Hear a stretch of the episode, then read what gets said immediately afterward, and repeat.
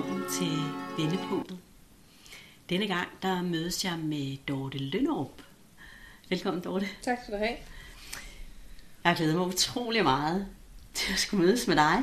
Jeg kender ikke så meget til dig, men øh, for nylig lærte vi hinanden at kende, og jeg synes bare, det er så spændende, din måde at være på, og det du beskæftiger dig med, og det der især er så nysgerrig på, det er, at du jo egentlig oprindeligt er uddannet biolog, og har siddet og fordybet dig i alger og alt muligt småt. Og nu er du sådan, altså beskæftiger dig især med, med konfliktmæling og, og meget, meget, meget andet, øh, hvad jeg kan forstå på din hjemmeside der. Så der må jo være nogle vendepunkter i dit liv, der gør, at du er der, hvor du er i dag. Så det er dels nysgerrig at høre om, men jeg er også meget nysgerrig på at brede lidt det her ud om konfliktmæling, fordi jeg tror, at det er så, det er altid relevant øh, og interessant. Så Ja, jamen tak. Og jeg har også glædet mig rigtig meget. Jeg ved jo ikke lige helt, hvad vi sådan helt skal snakke om, men det glæder jeg mig til at bare tage det, der kommer. Ja. Så hvad har der været sådan, øh, altså hvad er det, hvad har ført dig til det sted i dag? Altså fra biolog, tænker jeg i første omgang, til det her. Hvordan, der må have været noget, noget, noget skift i dig. Øh. Jamen, jeg tror egentlig, at helt grundlæggende, øh, fra jeg var helt lille, altså fra, fra næsten der, hvor jeg kan huske, der har jeg aldrig kunne forstå, hvorfor at mennesker har været uvenner. Og jeg har aldrig kunne forstå, hvorfor mennesker øh, kommer til eller gør hinanden ondt. Så jeg har altid haft meget, meget svært ved at være øh, sammen med mennesker, hvor der er konflikt. Øh, også de der konflikter, som andre ikke har kunne mærke. Så jeg vil sige, noget af det første sådan vendepunkt, øh, det var faktisk, da jeg var helt lille, at jeg var så heldig, at jeg havde, øh, jeg havde nogle kvinder i mit liv, som jeg kunne snakke med. Jeg havde en mormor, og jeg havde en tante, og jeg havde en moster, og jeg havde en faster, hvor jeg kunne sætte mig ned i, ude ved køkkenbordet, og så kunne vi sidde og snakke. Og det er sådan det, jeg husker, det er de sene nattetimer, hvor at jeg kunne spørge, jamen, hvorfor er mor sådan, eller hvorfor er far sådan, eller hvorfor er morfar sådan, eller Hmm. hvorfor kan det ikke bare... Og så fik jeg deres syn på det, fra jeg var helt lille, og så har jeg bare været ja, interesseret. Nysgerrig. Nok mest nysgerrig. Ja, det giver god mening. Det er jo meget sådan noget, der driver det. Men, men hvordan kunne du komme ind på den bane? Altså, det er jo en ting er, at... Øh, ej, jeg tror, det er rigtig vigtigt, at man vil det. At man har grundlæggende svært ved, som du siger, ikke? at forstå uvenner. Men hvordan, hvordan kunne du overhovedet komme ind i det felt? Altså, man kan, er det ikke jurister, der er konfliktmæler, eller hvordan? Ja, øh, jeg var øh, jeg var i to perioder, der var jeg byrådspolitiker øh, og havde jo øh, rigtig mange øh, relationer. Og da jeg så sidder til den sidste nytårskur, hvor jeg ikke er i byrådet mere, jeg ønsker ikke at være der mere, fordi jeg, jeg synes, der, jeg skal noget andet, så øh, er der en, der siger til mig, hvad skal du så nu, Dorte? En fra politiet. Hmm. Så jeg, "Ah, jeg tror, jeg skal derud, hvor jeg kun skal have et job for første gang i mit liv. Ej, siger han så, det skal du ikke. Du skal søge det, der hedder konfliktrådsmæler. Ah, det tror jeg ikke, jeg skal. Jo, det skal du. Ah, oh, kom nu. Du laver en ansøgning, så prøver du. Nå, tænker jeg, jeg styrtede hjem dagen efter og lavede en ansøgning og skyndte mig at sende den. Øh, og så var jeg så heldig, så jeg kom igennem det der nåløje der. Øh, og så øh, fik jeg den der lille uddannelse. Øh, man skulle egentlig være lægmand den gang, hvor det startede, fordi det er, hvad er det, det er vel 13 år siden nu. Mm-hmm. Øhm, og så fik man sådan et, et lille bitte kursus, fordi ideen var, at, at vi skulle være mennesker, medmenneske. Ja. Og så skulle vi have en lille smule teknik, så vi ikke fik ødelagt alt for meget. øh, og jamen, så kørte det egentlig derfra, at så, så blev jeg tilknyttet øh, Sydsjælland og Lolland Falster politikreds, og så var jeg, har jeg været mailer der siden som øh, konsulent. Og så kunne jeg jo se, hvad det kunne. Altså, Jeg kan huske så mange gange, hvor jeg kørte fra en mailing, og jeg var helt høj. Og jeg var så glad, og jeg kunne næsten ikke være i mig selv, fordi folk, der havde lidt af angst og depression og social forbi og alt muligt andet, kunne på et par timer få et liv tilbage. Jeg følte jeg egentlig lidt, at jeg nærmest var forpligtet til at gøre noget mere af det. Altså sådan den, den allerførste sag, det var en ung mand, der ikke havde været ude for døren i, i et års tid. Øh, og så ringer jeg til ham, jeg kan ikke huske, om det var en uge eller to uger efter, og hvor han sådan skriver tilbage, at han havde for første gang været ude med sin kammerat øh, i en butik. Wow. Men det havde han ikke ture, fordi han var fuldstændig smadret af, af vold. Øh, Mm. så han havde haft så meget angst og depression. Alt. Han havde alt. En ung fyr, ikke? Så det var inden for, en, altså når du mailede, var det så mellem, øh, Ja, vi plejer at kalde det forurettet og gerningsperson. Vi Sådan. kalder det part det- 1 og part 2. okay, ja, Det har skiftet lidt igennem årene. Så, ja. så jeg kan bedre lide at sige part 1 og part 2. ja, hvorfor? Ja, øh, det er jo nogle gange, hvis man kigger sådan i et lidt større perspektiv, det kan jeg rigtig godt lide, at vi nogle gange kan lære af at kigge på os selv. Så hvem har fået mest ud af det, og hvem har startet det, og hvad er det egentlig, der foregår i sådan en konflikt, det er jo også øh, meget spændende. Og igennem alle de her sager, jeg tror, jeg har ja, det er lidt over 1000 sager efterhånden, ikke? Øh, så kan jeg jo se nogle andre mønstre, end jeg kunne se i starten. Så det her med, at der er en, der er det, vi siger, der er ligesom et offer eller en forrettet, øh, der ser jeg måske anderledes på det nu, at når jeg får historien bagved, så ligger der altid noget bagved, hvor man siger, Nå, nu kan jeg måske godt forstå det, Mm. eller jeg kan sætte mig ind i det. Ikke fordi det var i orden, det der skete, og vi kan ikke gøre det ugjort, men der kommer sådan en aha-oplevelse rigtig mange gange, hvor man tænker, Nå, og så kan man være i det lige pludselig, når man forstår, Mm. og man kan ligesom ryste noget af det, der er sket af sig. Og jeg har også set rigtig mange gange, hvor folk siger, det kender jeg godt. Gud, var din kæreste lige gået? Ja, du hvad? Min kæreste er også lige gået. Og jeg heller ikke kunne håndtere det. Mm. Men du drak dig så stangstiv, så du ikke ved, hvad der foregik. Og så kom jeg lige. Og så er det jo nogle gange, hvor jeg tænker, pussigheder, at folks liv nogle gange er spejlbilleder.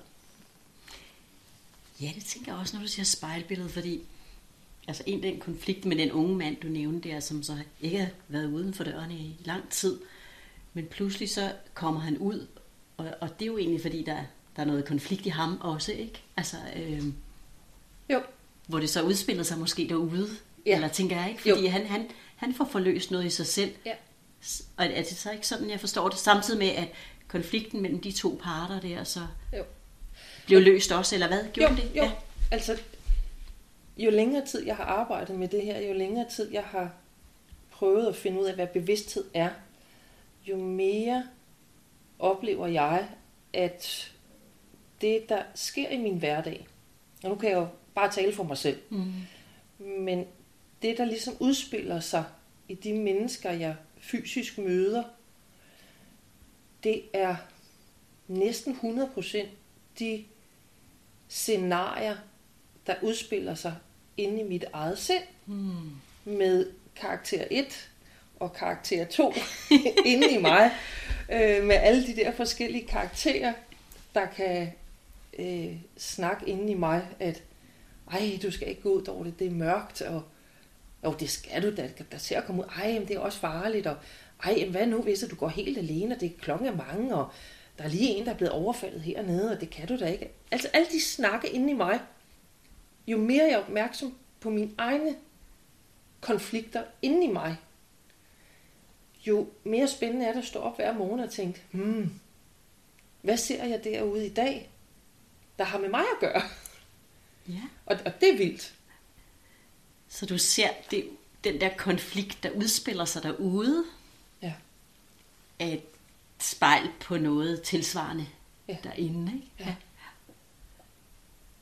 Så når du laver konflikt, altså sådan, sådan ser jeg det også, så når du laver konfliktmæling, øhm, hvordan bærer du dig så ad med at få det sådan, øhm, få dem til at se spejlet i sig selv også, eller sker det bare automatisk, eller øhm, fordi du, du, du lykkes med at få de her to parter til at mødes.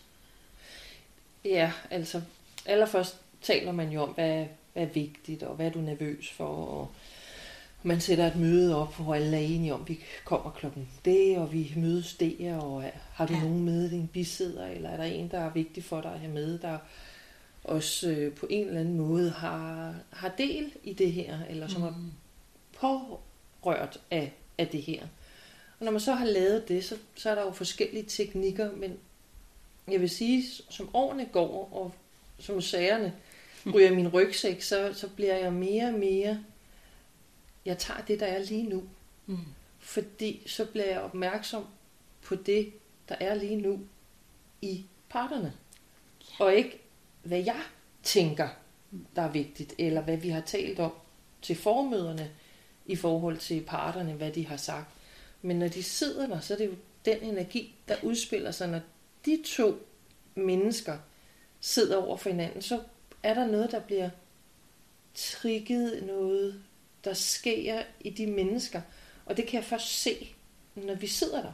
Så hvis jeg skal, synes jeg selv, lave en rigtig god mailing, så skal jeg smide alt forestillingen væk, alle intentioner i forhold til at ville noget andet end være nysgerrig mm. på, hvad er der lige nu? Mm. Og når den ene siger, hvad sker der over i den anden, og hvordan er tonen i, i, i, i snakken, og hvordan er kropssproget, hvordan er pauserne, hvordan er deres øjne, hvordan er alle de der små bitte detaljer, som fortæller så meget, der lige pludselig gør, at det er jo, altså der er jo milliarder af ting, der kan registreres i en samtale. Der, der er historier i alt. En sætning, der bliver sagt, hvor den ene lige rykker sig lidt tilbage, mm. eller Mm den ene sukker. Mm. Det er historien. Og for mig begynder jeg mere at se det som sådan et flow af energi frem og tilbage, at man, man presser og maser og trækker sig og spiller død og Mm. tager et angreb og lige har brug for en pause. Altså alt det her. Så, så det er, der er selvfølgelig den fysiske del, at mennesker viser, men så er der alle de der følelsesmæssige Mm. og bevidsthedsmæssige bevægelser i den helhed, vi sidder i i rummet. Mm. Og der er det nogle gange sjovt at være nysgerrig, fordi man kan jo tage tusind veje. Jeg kan jo spørge til tusind ting. Fuldstændig. Og ofte så oplever jeg, at det er måske nogle gange lidt lige meget, og det, det er måske lidt provokerende sagt, men det, det er der meningen med det. Men jeg synes jo lige pludselig bare, at det er interessant. Så stiller jeg det spørgsmål. Jeg kunne måske også stille et andet spørgsmål, som også havde åbnet op Mm. for noget dialog, eller åbnet op for noget ny forståelse i menneskene. Men bare det, vi sidder sammen. Altså, det giver så dyb mening, og egentlig meget interessant at se det. Altså, høre dig fortælle det. Øh, Jeg får sådan indtryk af, at du sådan momentant, nu prøver du at forklare det for os, hvad du gør, men ja. momentant så aflæser du energierne, altså hvad skal man sige, stemningerne i situationen, ikke? Jo. hvor det ikke er så meget historien, Mm. der er virkelig interessant. Og tit har man glemt det, ikke? og detaljerne, man kan ikke huske, hvad man egentlig var vred over. Dybest set, det har jeg i hvert fald oplevet, ikke? hvad man egentlig var vred på den anden over. Ja. Men det er simpelthen energierne og stemningerne, som bliver scenesat i det øjeblik, de bliver bragt sammen. Hvor du så læser det energetisk, altså, og så indimellem krydder det med noget, eller jeg hører det sådan lidt, øh, det er jo sådan en helt anden måde at tænke på, hvor man kan gå ned i detaljen tit, ikke? hvordan får vi løst. Men det kan også være, at du også gør det, finder løsninger sammen med dem. En af de ting, som er blevet mig sådan meget pågående bevidst, Mm. Det er, at jeg prøver at lade være med at komme med nogen løsning. Mm. Altså jeg skal være så neutral, så det... Altså, jeg, jeg tror ikke på, at man kan være neutral, for bare det at træde ind i rummet, Ja. så påvirker jeg. Så selvom jeg bare sidder og siger ingenting, så er det også en historie, Mm. der påvirker. Mm. Og nogle gange, når parterne kigger på mig, ligesom nu må du ligesom tage over, Dorte, og jeg ikke siger noget, og jeg sådan ligesom skubber ansvaret tilbage til dem, at den snak er lige deres i øjeblikket, jeg kunne godt sige noget, men det er ikke mit, så påvirker jeg jo, om jeg siger noget eller ikke siger noget. Mm. Så jeg kan ikke være upartisk. Men jeg kan lade være med at sige, ah, synes du det er klogt? Eller, nu ved jeg godt, den er meget grov, ikke? Eller, ej, hvordan havde du det med det? Det lyder da ikke særlig rart. Så har jeg ligesom allerede trukket lidt over i den, den Ja. ene part, Jo. ikke? Øh, Så hele tiden med at, at stille helt åbne spørgsmål, Mm. nysgerrig på. Jeg, jeg, oplevede lige, at, at du trak hovedet tilbage. Hvad, hvad gik det ud på? Kan du prøve at fortælle over på den anden side af bordet, hvad, hvad, det, hvad det var for noget? Det, det var da egentlig nyt. Det er jeg lidt nysgerrig på. Er det okay? Og hvordan bliver det modtaget? Det bliver næsten altid modtaget. At så, så, så går de bare ind i det. Okay. Ja. Jeg har jo mange sager med mange forskellige profiler. Øh, og hvis vi er derovre i den øh, narcissistiske, psykopatiske, øh, sociopatiske side, så har det da også ført til nogle konfrontationer, når det er, at jeg vil trække noget styring øh, fra en part, som ønsker at styre Mm. 100% øh, samtalen. Og så har der været en enkelt gang, hvor jeg har været nødt til at stoppe det, fordi det, altså, vi kunne ikke få en dialog. Øh, Der var kun et mål, det var 100% kontrol. Ja. Fra en af parternes side af, ikke? Ja. Øh, Og så måtte vi så stoppe det.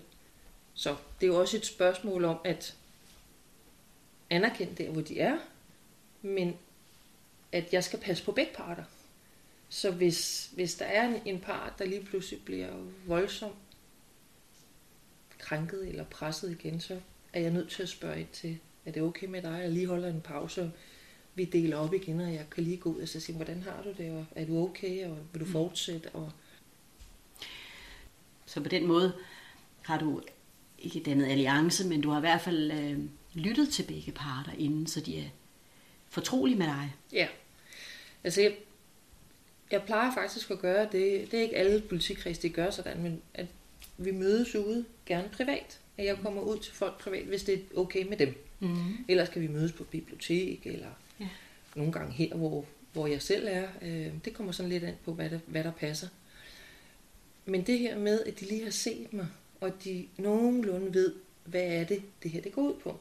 Sådan så det her med, jamen, hvordan foregår det lidt, og det her med, at man kan gøre det så trygt som muligt, fordi det er rigeligt at skulle sidde over for enten en, man har forurettet, eller i hvert fald systemet synes, vi har forurettet, øh, eller en, øh, der har forurettet mig. Øh, det, det, er, det er voldsomt. Mm.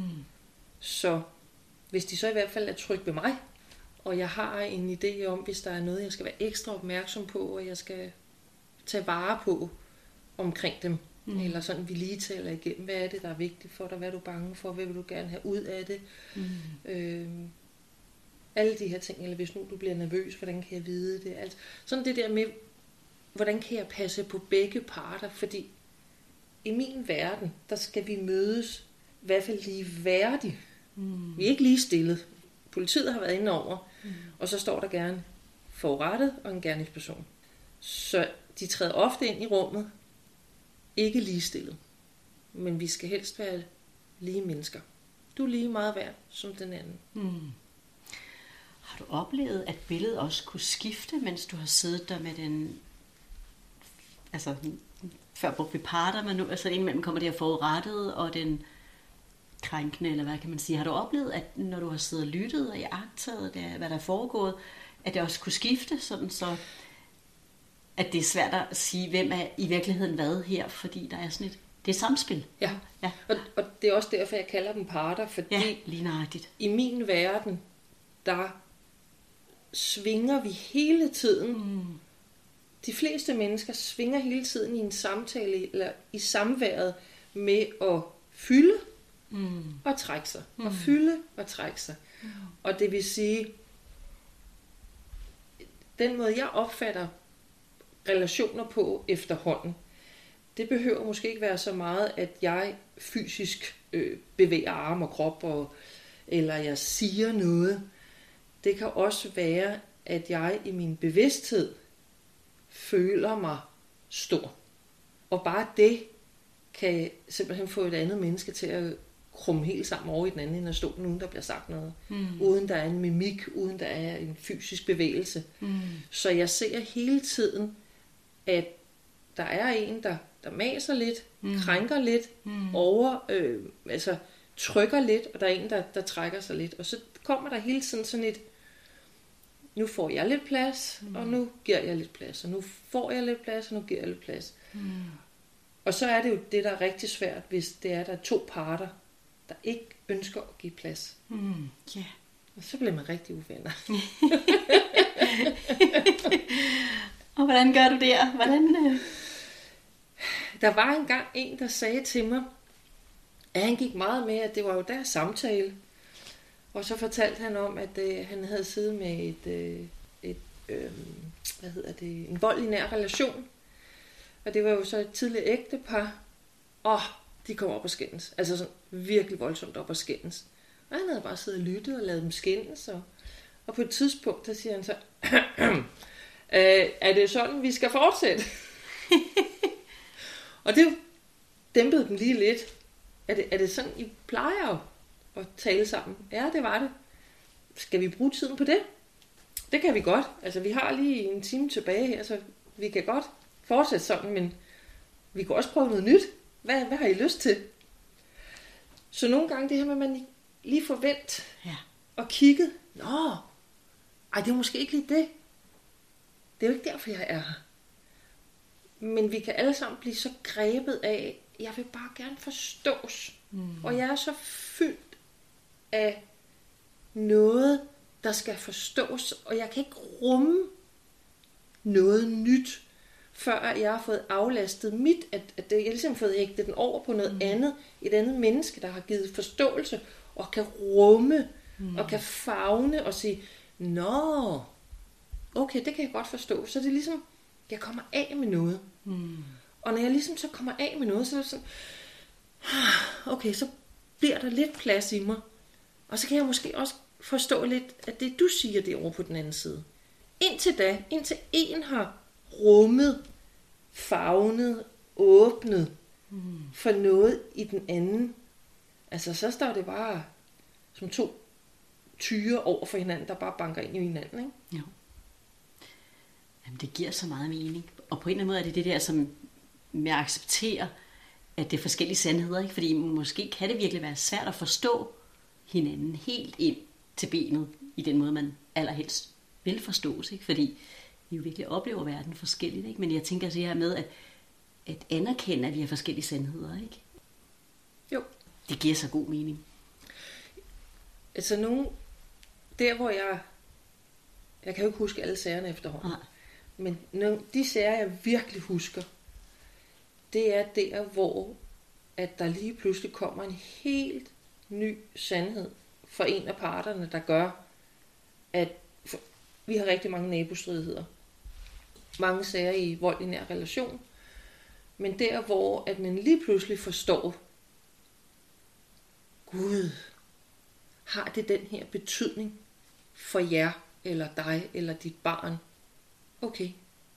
Og så lige pludselig kan man vende på en tallerken, Hmm. der gør, ved du hvad, øh, det er okay. Jeg går hjem og slagter hønsene. De skal ikke stå der galt. Dit barn kan jo ikke sove. Det er ikke i orden. Og det kan være efter fem år, ikke? Og hvor der har været total krig. Og det er sådan noget, hvor man bare tænker, Ja. hvad? Hvad skete der der? Og hvad tror du, der skete? Altså, ej, du, du forklarede egentlig fint før det med, at der er givet plads til et eller andet, ikke? Men ja. hvordan? Jamen, det er jo det her med at lytte. Reelt lytte, Ja. som vi kunne blive bedre til. Os alle sammen, tror jeg. Helt klart. Virkelig lytte. Øh, uden at ville noget med ja. den anden, ikke? Eller opnå noget, eller Ja. have travlt med at tænke på, hvad man selv skal. Ja, og, og, og give det fortolkninger. ja. Jamen, det er jo også fordi. Jamen, det er jo kun fordi. Øh, men læne sig tilbage og være reelt nysgerrig på, hvad den anden kommer med. Mm. Men jeg oplever kun, at vi kan være der, når noget i os øh, bliver forstået. Af den, jeg har konflikten med. Ja. For ellers har jeg bare uendelig trang til, du må da forstå mig. Ja. Og så har jeg sådan, et- det er måske ikke det pæneste sagt, men jeg synes, den er så sjov. Fordi alt det her, det er jo noget, jeg kender i mit eget liv. Helt enig. Ja. Altså, det, det, det, er, jo, det er jo nogle ting og sager, jeg har mm. oplevet på forskellige vis i mit eget liv. Mm. Og da jeg var barn, oplevede jeg altid, at jeg blev misforstået. Og jeg fik bare ikke... Altså, folk forstod mig ikke. Altså, nej, det er ikke sådan, det er. Altså. Så jeg havde virkelig brug for at forklare mig. Mm. Og forklare mig. Og forklare mig. Du, det er bare... Nej, det er ikke sådan, det er. Nej, nej, nej. Mm. Og så på et tidspunkt, hvor jeg er voksen, det ved jeg ikke, jeg har været 35-40 år, så kigger min storsøster på mig. Og så siger hun, Dorte, stop alt det der, forklar mig røv. Jeg gider ikke høre på det, det er fuldstændig lige meget. Prøv lige at læne dig tilbage. Og det er bare sådan en sætning, der har siddet inde i hovedet på mig. Nogle gange, når jeg er Mm. helt desperat for at blive forstået, Ja. og jeg kan ikke komme igennem til den anden, så skal jeg læne mig tilbage Mm. Og forstå noget i den anden. Og så lige pludselig kommer der et rum, hvor jeg får mulighed Mm. til at blive forstået. Men hvis jeg bare presser, og den presser, Mm. Det giver så meget mening. Der er jo, det er jo ikke tilfældigt, at vi mødes, nogle af os mennesker. Og det der kan jeg i hvert fald også genkende, hvor travlt jeg har haft med at gøre mig forstået og forklare. Og, og så tænker jeg så, når du siger det, det også handler noget om øh, at være berettiget til at være her. En følelse af, ikke? at øh, har jeg ret til at være her? Ja. Altså skal gøre mig berettiget til det, tænker jeg lidt. Øhm, og det er jo lidt med pres, ikke? Og modpres energetisk set, ikke? jo, Så meget smukt beskrevet, virkelig. og det her med at på en eller anden måde have noget tilhørsforhold. Øh, altså jeg ser måske konflikter som nok noget af det, der er det mest grundstrukturelle i mennesker, om det er, vi taler yin-yang, Mm. altså om vi taler balance eller harmoni, mm. eller jeg har altid gået efter, jeg må da kunne få det bedre. Jeg må da kunne gøre det bedre. Jeg må da kunne opnå noget bedre.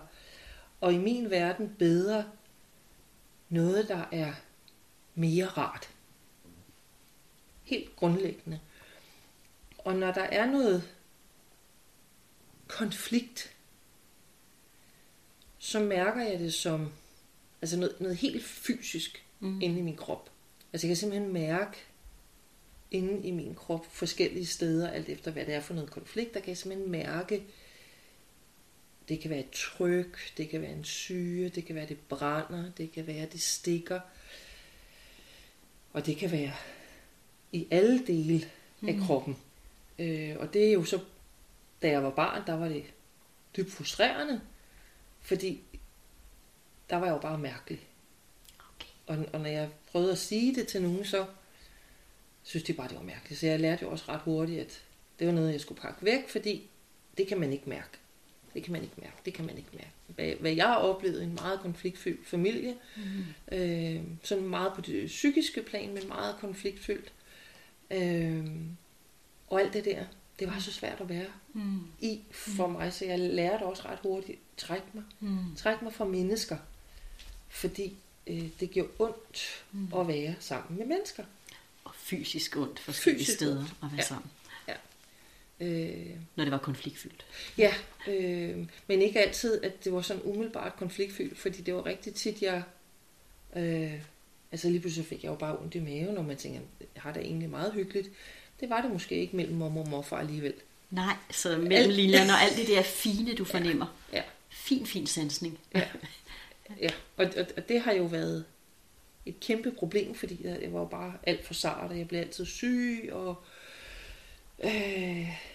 kom altid på sygehuset, og jeg havde alle mulige virusbakterier. Altså, jeg var bare altid syg.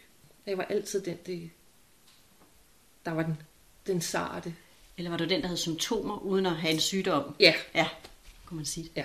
Men blev undersøgt, og Ja, der var dem, der er mange af på sygehusene, ved jeg, er børn, hvor man tror, der er noget galt med barnet, Ja. men så er det i virkeligheden Ja, og det ved forældrene, der man ikke jo kan nu. kigge på det. Ja. Det er der flere, Sådan der var det ikke for 50 år siden og 40 år siden. Nej. Øh, Men det er interessant at høre nu. ja. Ja. Og så fordi jeg havde lært alt det på biologistudiet, øh, som jeg dengang, der var det jo meget adskilt, at læren om det levende, mm. men det var sådan det fysiske levende, mm. hvor jeg tænkte, hvordan kan man på et helt biologistudie ikke snakke om psyken, mm. eller øh, energien, og så jeg var nødt til at læse ved siden af alle mulige bøger, som jeg, det, dengang var det jo bøger, som man kunne få fat i nede på biblioteket med et eller andet sådan, hvad var det for noget? Og Østen, de snakkede om det, og meditation, og hvad var det for noget? Og nå, så er der noget med, at der er noget med nogle horoskoper og sådan noget. Der, der, dengang, der var det bare ikke så mange, øh, man kunne tale med det om. Så hvad var det for nogle bøger, du, øh, du søgte der? Altså fordi, Jamen, det var fordi, jeg synes, det var underligt, at vi for eksempel havde øh, forskellige fingeraftryk. mm, Eller jeg synes, det var underligt, at vi alle sammen har en helt unik stemme. mm, Og jeg så tænkte, jamen, så må der da ligge noget. Og, og så synes jeg også, det var underligt, at, øh, at der var noget i biologien, på biologistudiet, der ikke kunne forklare mine spørgsmål. mm, Og når jeg stillede spørgsmålene i, til professorerne derinde, så var det bare sådan, "Ah, det, det er ikke det, vi snakker om her. og så, nå, nej, det er det jo heller ikke. Mm. Øhm, og så gik jeg simpelthen på opdagelse i mig selv, og tænkte, nå, så, så kører jeg mit eget show. Mm. Også fordi dengang, der, der var ikke noget, der hed internet, der var ikke noget, man lige kunne, kunne gå øh, et eller andet, ikke? Øh, Og hvis man skulle have en bog på engelsk, så skulle man have den sendt fra nogle gange ind England og ind til universitetet for at få fat i den. Det var jo kaos at få fat i noget som helst. Ja. Øh, Så jeg tænkte, "Nå, det er nemmere, hvis jeg bare selv sætter mig ned og prøver noget. Og bare åben, hvad sker der? mm, det kan god mening. Så du begyndte sådan, altså du satte dig ned og, ja. og, og mærkede efter i dig selv, Ja. eller hvad? Ja. Ja. Uden at have egentlig sådan studeret, hvordan man gjorde det. Ja. Eller, Ja. Jeg Ja. ved heller ikke, om der er nogle studier om det i dag, Ja. men, men du satte dig ned, ja. Ja. Jeg kan meget, altså jeg kender det jo, det, det, det, det giver sgu god mening, hvorfor du har den der så dybe indsigt. Altså, Ja, jeg, jeg, jeg Ja, satte mig helt ned simpelthen på. ned, og så, altså, så kunne jeg jo mærke nogle gange, at jeg kunne sætte mig, og det er jo, det er jo så hvad, 35 år, måske 40 år siden, at når jeg så satte mig, så kunne jeg lige pludselig ikke mærke mine hænder, eller ikke mærke mine arme, eller ikke mærke mine fødder, hvor jeg tænker, og måtte jeg sådan lige åbne øjnene og sige, er de der? Ja, de var der. og så er det jo bare sådan, den der nysgerrighed i, hvad er det så bevidstheden kan, og fordi det, jeg synes ikke rigtigt, jeg har mødt nogle mennesker, der kan forklare mig det. nej. Men hvorfor, hvorfor kan jeg lige pludselig ikke mærke mine hænder, eller også det her med, igen dengang, der var det sådan lidt, lidt firkantet med placeboeffekten, sådan, eller psykosomatiske sygdomme. Hvorfor er der nogen, der bliver psykisk syge, eller fysisk syge, fordi man tror, man er syg? Mm. Og det var de her Paulus hunde der, ikke, der begyndte at savle, når klokken ringede, og, eller hunde, der begyndte at, at have symptomer på at være gravide, når, når de ikke var det, men de ville så gerne være mor, de der hunde der, ikke? Og jeg på et tidspunkt var så træt af medicin og astma og sygdom, hvor jeg tænkte, så prøver jeg det. Jeg elsker at eksperimentere. Det fik jeg fra biologistudiet. Mm. Eksperimentere, eksperimentere. Og det var jo bare mig selv. Mm. Jeg tænker, hvis jeg kan gøre mig syg, fordi jeg altid oplever, at jeg bliver syg, Mm. så kan jeg da også bare sige, at jeg bliver rask. Mm. Og så havde jeg læst øh, den 9. indsigt, jeg havde læst The Secret, og det er måske 20 år siden, måske mere. Og så tænkte jeg, hvis det der det er rigtigt, så skal jeg jo bare mærke og føle, at jeg er rask. Og så blev jeg rigtig nysgerrig på, for det der 20 år siden, hvorfor tør jeg ikke trække vejret? Og der havde jeg læst Louise Hay mm-hmm. omkring, at krop og psyke hang sammen. Mm. Jeg turde ikke rigtig sige det til nogen, fordi jeg tænkte, så de der, synes de, at jeg er endnu mere bindegale. Mm. Så de er, i min, jeg nørdede selv, ikke? Mm. Men jeg kunne jo se, at det gav mening, når jeg læste på alle de symptomer, jeg havde med alt muligt. Mm. Og så læste hendes udlæg. Og så tænkte jeg, okay, begynd at lære at trække vejret. Og så begyndte jeg at sige, men den der konflikt inde i mig, at jeg ikke tør mærke livet. Et eller andet sted i mig, som du sagde før, ikke rigtig... Øh, nej, det er måske ikke så meget, at jeg ikke hører til, eller ikke må være her. Det er jo mere, jeg magter det ikke. Mm. Jeg gider simpelthen ikke være her. Mm. Altså, det er alt for hårdt. Mm. Al den her tunge energi, alle de her konflikter, når jeg er i verden, det er inde i mig, og udenpå, og mellem, og... Mm. Jeg kan bare mærke nu, det tynger, så jeg, sådan, jeg får ondt i brystet, og så jeg begyndte at lave gabeøvelser. Og så lærte jeg, hvad det ville sige i flere år, og tænkte, "Nå, så prøver jeg at gabe. Og hver gang der var noget, hvor jeg sådan tænkte, Ej, nu er der en derovre, der sidder og hoster, så plejede jeg at blive syg, så tænkte jeg, jeg er rask, følte mig rask, rejste mig op, og kroppen var rank, og rask, rask, rask, ikke? Og rent faktisk, faktisk fra det, den uge, hvor jeg besluttede mig for at eksperimentere, der gik jeg fra at have sådan mellem 25 og 35 sygedage på et år, til jeg næsten ikke havde nogen. Altså nogle år havde jeg 0, og det var sådan noget, men jeg tror, den, den vildeste, det var sådan noget med 8 dage på et år, ikke? men ellers havde det ligget ekstremt. Wow.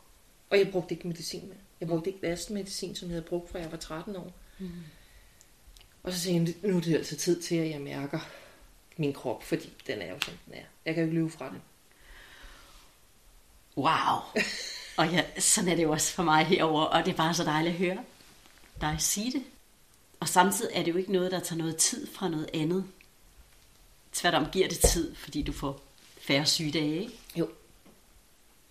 Jo. Så nogle gange kommer man med det der, at det, ah, det er der ikke tid til, at jeg sætter mig ned og tager mig af mig selv, eller kan du så se at komme videre i livet, eller hvad det nu er, eller arbejde, komme hurtigt ud på arbejdsmarkedet igen. Ikke? Ja.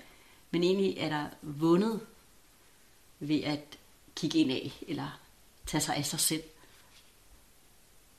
Men jeg tror også, for sådan en som mig, jeg er bedst til at lave vendepunkterne, når jeg får kuglen for panden. altså de der virkelig vendepunkter. Mm. Øh, det er, når jeg på en eller anden måde ikke har et valg. At nu skal der ske noget.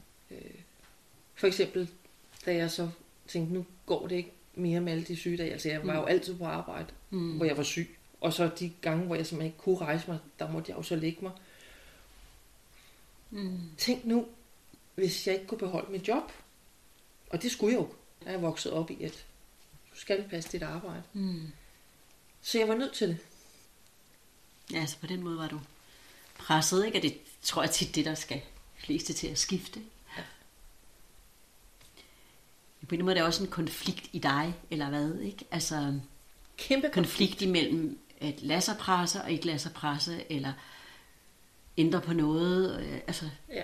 Men, men også konflikten i, at ikke ture ubevidst og træde ind i livet Ja. og mærke Ja. den der krop. ja, Hvor den ene side siger, træk nu vejret, og den anden siger, no way, fordi det magter du jo ikke. Altså, du magter jo ikke at mærke livet, vel?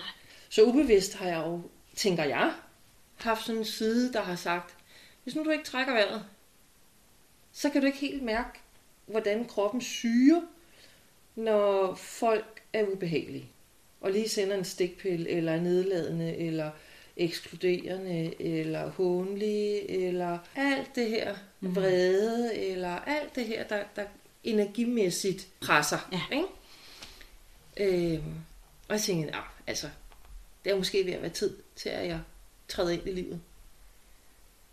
Øh, og så må jeg da så sige, så mærkede jeg så en masse, der ikke var særlig behageligt. Og så kom der konflikt, fordi jeg lige pludselig skulle til at tage mig af mig selv, hvor jeg ikke kunne gå til det etablerede system, fordi det kan man ikke, det der, du siger, du mærker. Mm. Det kan man ikke.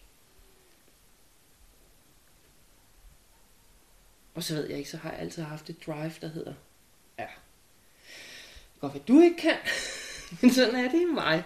Mm. Og hvis du ikke kan hjælpe mig, så må jeg jo prøve selv. Så må jeg jo eksperimentere med mig selv igen. Hvad er det her for noget? Og det er jo sådan, det er det, de sidste 20 år gået med, ikke? Det er sådan, hvad nu det? Så derfor har du virkelig en indre kendskab Ja. til konflikter helt ned på celleniveau, hører jeg. Ja, Ja, altså fordi ja. du mærker det så meget. Egentlig er det en gave, og andre vil synes, det var en forbandelse. Ikke? Men ja. det var også det at lære at balancere det. Ja. Altså i de fleste år har jeg set det som meget belastende og irriterende og dumt, indtil jeg forstår, at vores største udfordring er vores største gave.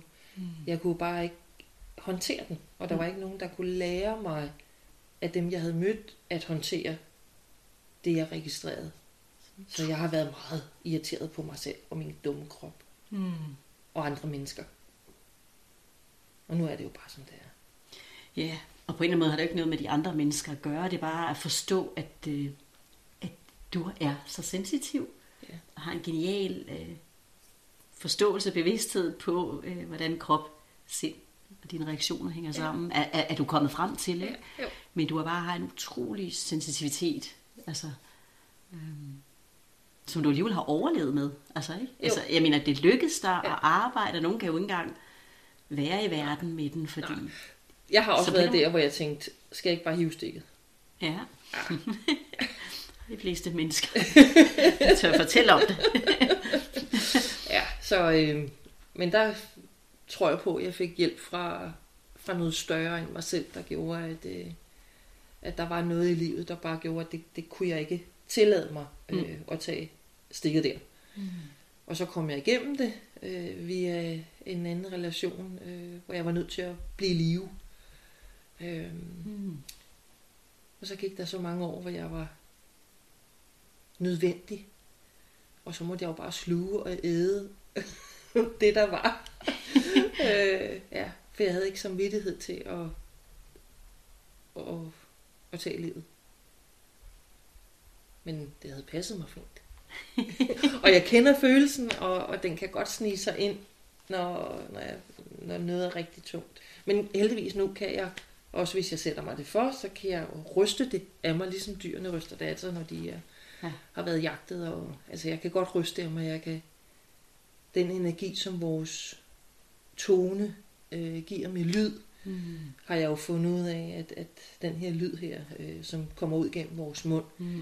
den kan aflaste Mm. øh, følelsesmæssig energi, og hvis jeg så ryster det af mig, så kan jeg mærke alle de der kuldegysninger og boblen og prikken og, og alt, alt det der, der nu er i min krop, ikke?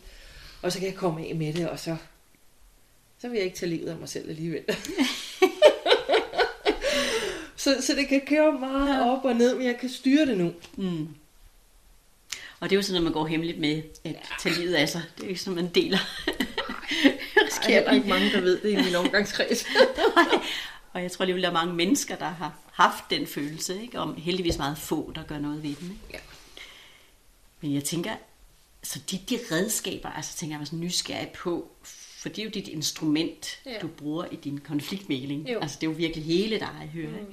Så det der, er, øh, jeg tror rigtig mange kunne have glæde af at høre, hvordan, hvordan øh, øh, bruger jeg min sensitivitet og, øh, og beskytter mig selv, eller sådan, ikke? Og det hører de sådan, det, det, det er nogle redskaber som lyd, rysten og, og indad øh, mærken, væren med det, der er. Ja, altså noget af det, som jeg måske får hvad, det er nok, det er nok 10 år siden, øh, at jeg blev meget fokuseret på, eller det var meget tydeligt for mig, øh, at noget af det, jeg mærkede i min krop, bestemt var en andens noget. Mm. Der, der, der begyndte der virkelig ske en udvikling her for 10 år siden i min krop, ikke? Ja. Øh, og min fokus på det, og jeg begyndte at trække vejret og alt det her, ikke? Altså, jeg har jo holdt det væk. Men hvor jeg faktisk sidder i noget demonstration, i noget coaching, hvor der er, er et, et menneske, der fortæller om sit liv, og lige pludselig får jeg bare så ondt i min lårknogle.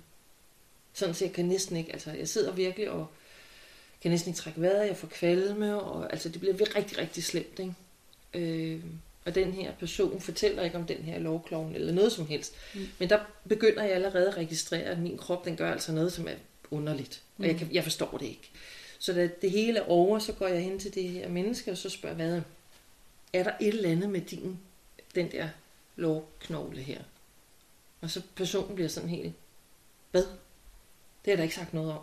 Nej, men du må undskylde, men det er fordi, jeg, jeg er så nysgerrig på min egen krop, og jeg blev så dårlig og alt det her. Og så blev der så sagt, jamen, da jeg var nærmest lille baby, fik jeg smadret min øh, venstre, jeg kan ikke huske, om det var højre eller venstre lårknogle, og det var derfor, jeg var fixeret øh, på sygehuset i, igennem det, jeg fortalte i sådan og sådan og sådan. Wow. Og der tænkte jeg bare, åh, det kan man da ikke. Det kan man da ikke. og på den måde stille og roligt, kunne jeg jo se, at vi, vi er et. Mm. Vi hænger sammen. Mm. Og så derfra var der i hvert fald et kæmpe vendepunkt for mig, Mm. der sagde, okay, når jeg kan det, så kan man da også alt muligt andet. Og bare fordi videnskaben, som jeg elsker, siger det her, så kan min krop altså noget andet. det var da egentlig meget spændende, ja. men også skide irriterende. og så, så begyndte eksperimenterne egentlig bare mere og mere, når jeg lige pludselig mærkede noget i mig. Er det mit, eller er det deres? Og det her med at få nivelleret mine egne trikpunkter. Så hvis jeg nu sad i en mailing, og lige pludselig havde en synsning om noget, eller sad og blev vildt irriteret eller ked af det på et eller andet, at, at jeg kunne lige pludselig mærke det i mig, så var det lige pludselig vigtigt for mig at være sådan dobbeltrettet. Hvad foregår der i de her parter? Mm. Og hvad er det, der foregår derude? Og hvad er mit eget? Så når jeg havde haft en mailing, så var det jo hjem og konkludere og lave små, hvad skete der der, så skete der det, og hvad er det med mig at gøre, og min datid, og hvad, har jeg nogle relationer, og Mm. så jeg fik forløst mit, Mm der har jeg jo min egen kropsfornemmelse, når jeg kan mærke, hvad er deres, hvad er mit, og når jeg sidder i det, så kan jeg efterhånden sådan, egentlig næsten med et åndedrag, øh, få det væk. Selvfølgelig er der, kan der være nogle meget voldsomme sager, hvor at det er så følelsesmæssigt øh, ekstremt, det folk sidder med. Og så kan jeg ikke lige tage et par åndedrag og ryste af mig. Mm. Altså så, så er det noget med, at øh, jeg skal virkelig øh, tage den helt store øh, rystetur, ryste af mig og trække vejret og måske sige nogle høje lyde med a eller o eller og så har jeg ikke kvalm mere, og jeg har ikke tendens til at besvime, fordi så er jeg bare tilbage igen, og så er jeg rystet af mig. Og det gør du selvfølgelig ikke lige i situationen. Det gør jeg så, når jeg kommer ud af resten og ud af fængslet, eller ud af biblioteket og sidder i bilen og tænker, nu bliver jeg dårlig, nu kører jeg ind til siden. Og så tager jeg lige det her, og i starten forstod jeg ikke, hvad det var. Der sad jeg bare og tænkte, ej, man besvimer jeg nu, og det, det er da ikke særlig smart herude. Og øh, indtil jeg fandt ud af, hvad, hvad min krop gør. Og igen, vi hænger sammen. Ja, og så tænker jeg også, når du siger dit og mit, jeg jeg ved godt, vi bruger det, ikke? Øh, fordi at, men det er jo vores fælles, og vi lider jo egentlig, hvis de andre lider. Altså det er jo så et tydeligt eksempel på, at, at vi lider, når ja. de andre lider. Ja. Vi vil så gerne egentlig måske, de fleste af os gerne, gøre noget godt for hinanden, og Ja. glæde hinanden, og få hinanden til at vokse og sådan, Ja. ikke? Når der er noget, der hægter sig på en, kunne det have noget at gøre med, at øh, der er måske stadig en rest af et eller andet i os, en erindring om det. Mm. At der er noget bevidsthed inde i os omkring det her og nu, som bliver trigget. Øh, så, så, så, så du reagerer på det, men hvor en anden måske ikke vil reagere på det, enten fordi de er lukket ned sansemæssigt af gode grunde, eller fordi at, at øh, deres bevidsthed ikke har så let adgang til den del, selvom det er i det fælles bevidsthedsfelt. Det er lidt forkringlet her. Nej, det giver så god mening. Ja. Altså, øh, og jeg kan tage fat i flere ting.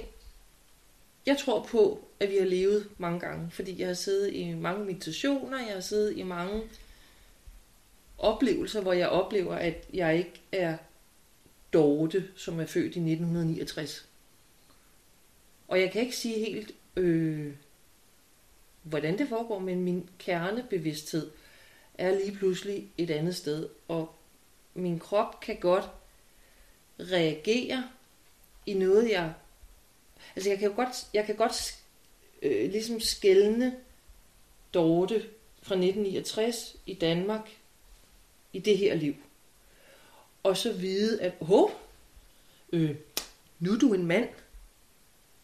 Og, at, det kan man da ikke. Eller, nu er jeg i en anden kultur, eller nu oplever jeg, jeg ser ikke billeder, men jeg kan mærke min krop, og jeg kan lugte, jeg kan nogle gange høre, men især lugte, og så kan jeg mærke på min krop øh, et aftryk af det. Og, og jeg tror, det er min sjæl, der har haft andre liv, men jeg ved det ikke, fordi det kan også være, at jeg bare flyder ind i massen af bevidsthed, og så får et aftryk Ja. af noget andet, som jo er mig, men øh, måske ikke er min, jeg ved ikke, om man kan sige primær krop, eller primær bevidsthed. Så jeg ved ikke, hvad det er, jeg flyder ud. Jeg ved bare, at jeg flyder ud i det, mm. og tager noget erfaring med mig tilbage til Dorte fra 1969 her, nu, og så får jeg lige pludselig en forståelse for, Hmm.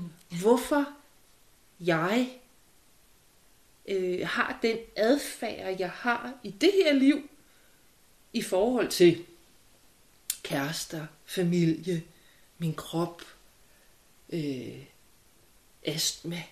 Mm. Øh, så jeg tror, at for eksempel, jeg har brækket min venstre skulder sådan helt op over op ved øh, kugleknoglen, da jeg var 13.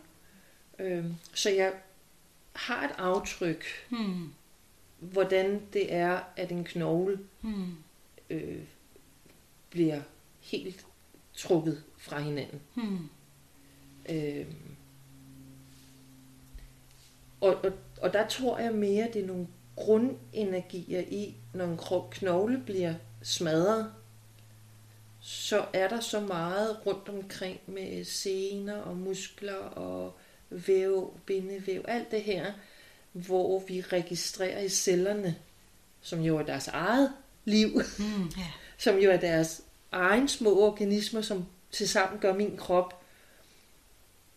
Og når jeg så sidder for eksempel og hører den her øh, demonstration af noget coaching, og jeg fornemmer det her, så tror jeg egentlig bare, der bliver åbnet op for en historie, og jeg registrerer bare mere end ord Hmm. siger Hmm. fra den historie. Og jo mere jeg går ind i det, jo nemmere bliver det for mig at øh, begynde at kunne styre det lidt. Nogle gange er det også, det er også sjovt. Bare læne sig tilbage og sige, hvad kommer der? Hmm. Nu vil jeg gerne have kigget på, hvis jeg har en skavank i min krop, så kan- kan jeg godt sådan tænke, Nå, hvad er nu det?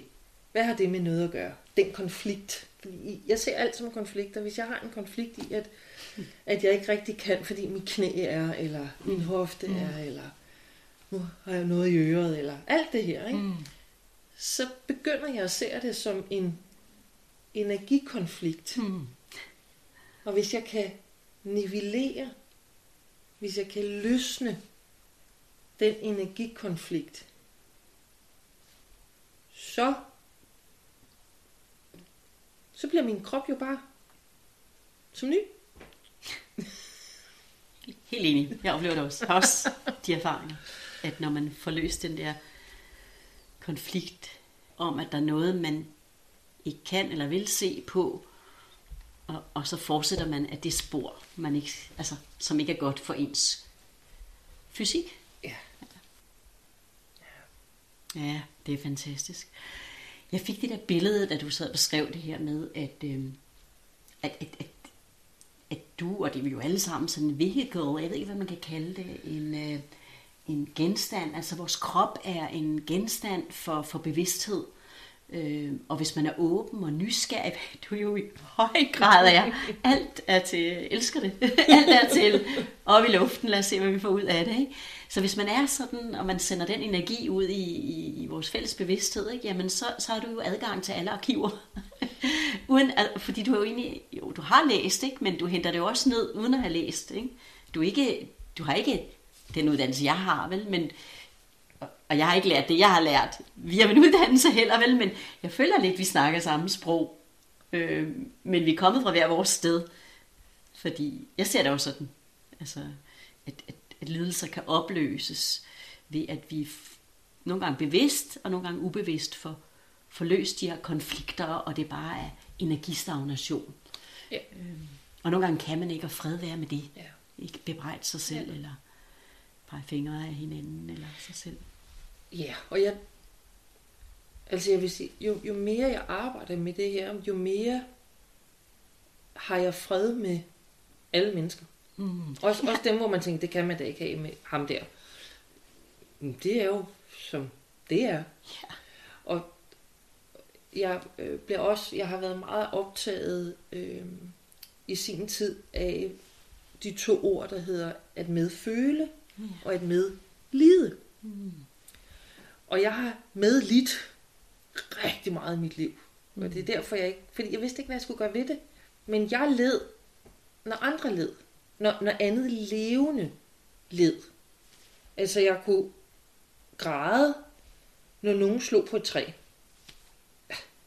Mm. Og hvor man tænker også, ah, der var det. Nu må det ikke være så sart, vel? Mm. Men, men det gjorde ondt på mig. Mm. Altså, det er næsten klump i halsen. Mm.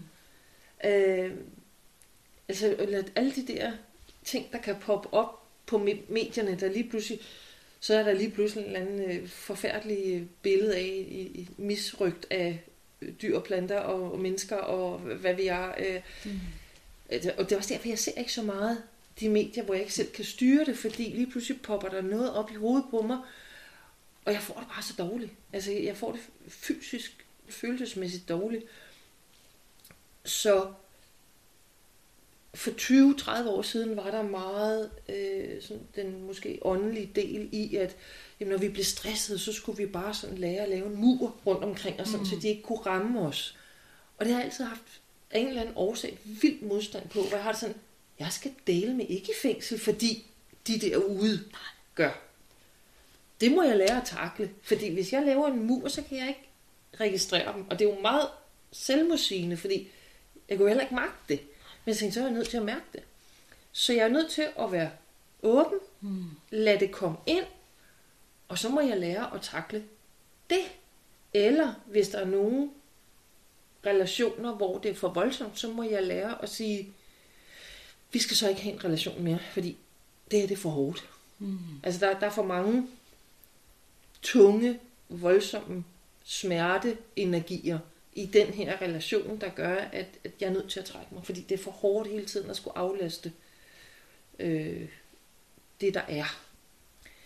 Så når jeg medføler, så mærker jeg, hvor de er. Og så kan jeg bestemme, vil jeg medføle, aflaste og sige fred, hvad med det? Ryste af mig, give en tone, øh, træk vejret, have fokus nede, hvor det nu presser i mig. Men jeg vil ikke tage den på mig. Fordi det er ikke mit liv. I det her liv, der er det ikke den smerte, jeg skal bære. Det er dit. Den skal du lære at håndtere. Men jeg vil godt hjælpe dig med at aflaste lidt en gang imellem. Og det er jo ikke noget, jeg siger. Jo, en gang imellem.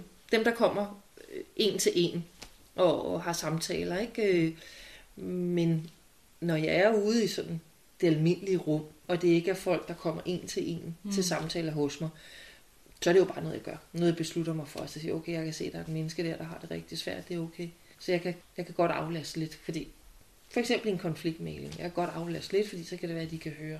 Og så er det ikke sikkert, at det er den anden, over, den anden part, der skal aflaste. Men så, så det er lidt ligesom, jeg ved ikke helt, hvad jeg gør, men det, jeg Nej, siger ligesom, det- okay, Ja. okay, jeg kan godt aflaste lige det her. Ikke? Og så kan det være, at jeg får vildt ondt i min mave, eller trykken for brystet, eller susen for ørerne, eller jeg får det syge op i mine kæber, eller det bliver sløret for mine øjne. Det er meget med sanserne. Og så må jeg trække vejret, sætte fokus, og jeg kan bare mærke det nu her, når jeg åbner op for det. Så, altså det, det er nærmest sådan suger ind i mig. Og så kan jeg sådan lige... Og lad os sige, jeg skal lige have en pause. Mm. Vi er lige nødt til at... I kan lige drikke lidt vand, og vi gør lige sådan og sådan. Og, og så må jeg lige ud på toilettet og så stå og ryste mig som en lille øh, rystemus. og lige sådan... Øh, øh, øh. Skønt. Bare lige vide, at, at du skal lige vide, hvad der egentlig foregår. Tænker. Og så er det godt med grin, fordi i starten, der havde det bare sådan, ej, du er jo bindegalt over det. Men, ja, det vil du blive vurderet som helt klart. I visse sammenhæng, eller i andre kredse. men så, så løsnes konflikten ofte lidt, og så, så har vi en ny platform. Ja. En ny situation at gå ud fra, ikke? Fordi Ja. ja. den var bare så hård. Det var, den var så fastlåst, mm. at, at der skulle lukkes noget mm. ud. Der skulle tages noget. Der var noget, der skulle rummes, mm. før vi kunne gå videre. Men jeg prøver, at det er parterne, der kan, men nogle gange så er det ikke muligt. Det er ikke muligt. Og så, og så er jeg jo ikke helt neutral. Men jeg gør det med en velmenende, kærlig intention, og jeg forventer ikke noget igen. Så jeg håber, hvis det er kærligt, venligt og, hvad skal man sige, øh, ubetinget. Ja, du skal ikke have noget personligt ud af det. Nej, og jeg skal ikke have noget igen. Nej. Altså, det her det er bare noget, jeg gør, fordi jeg kan.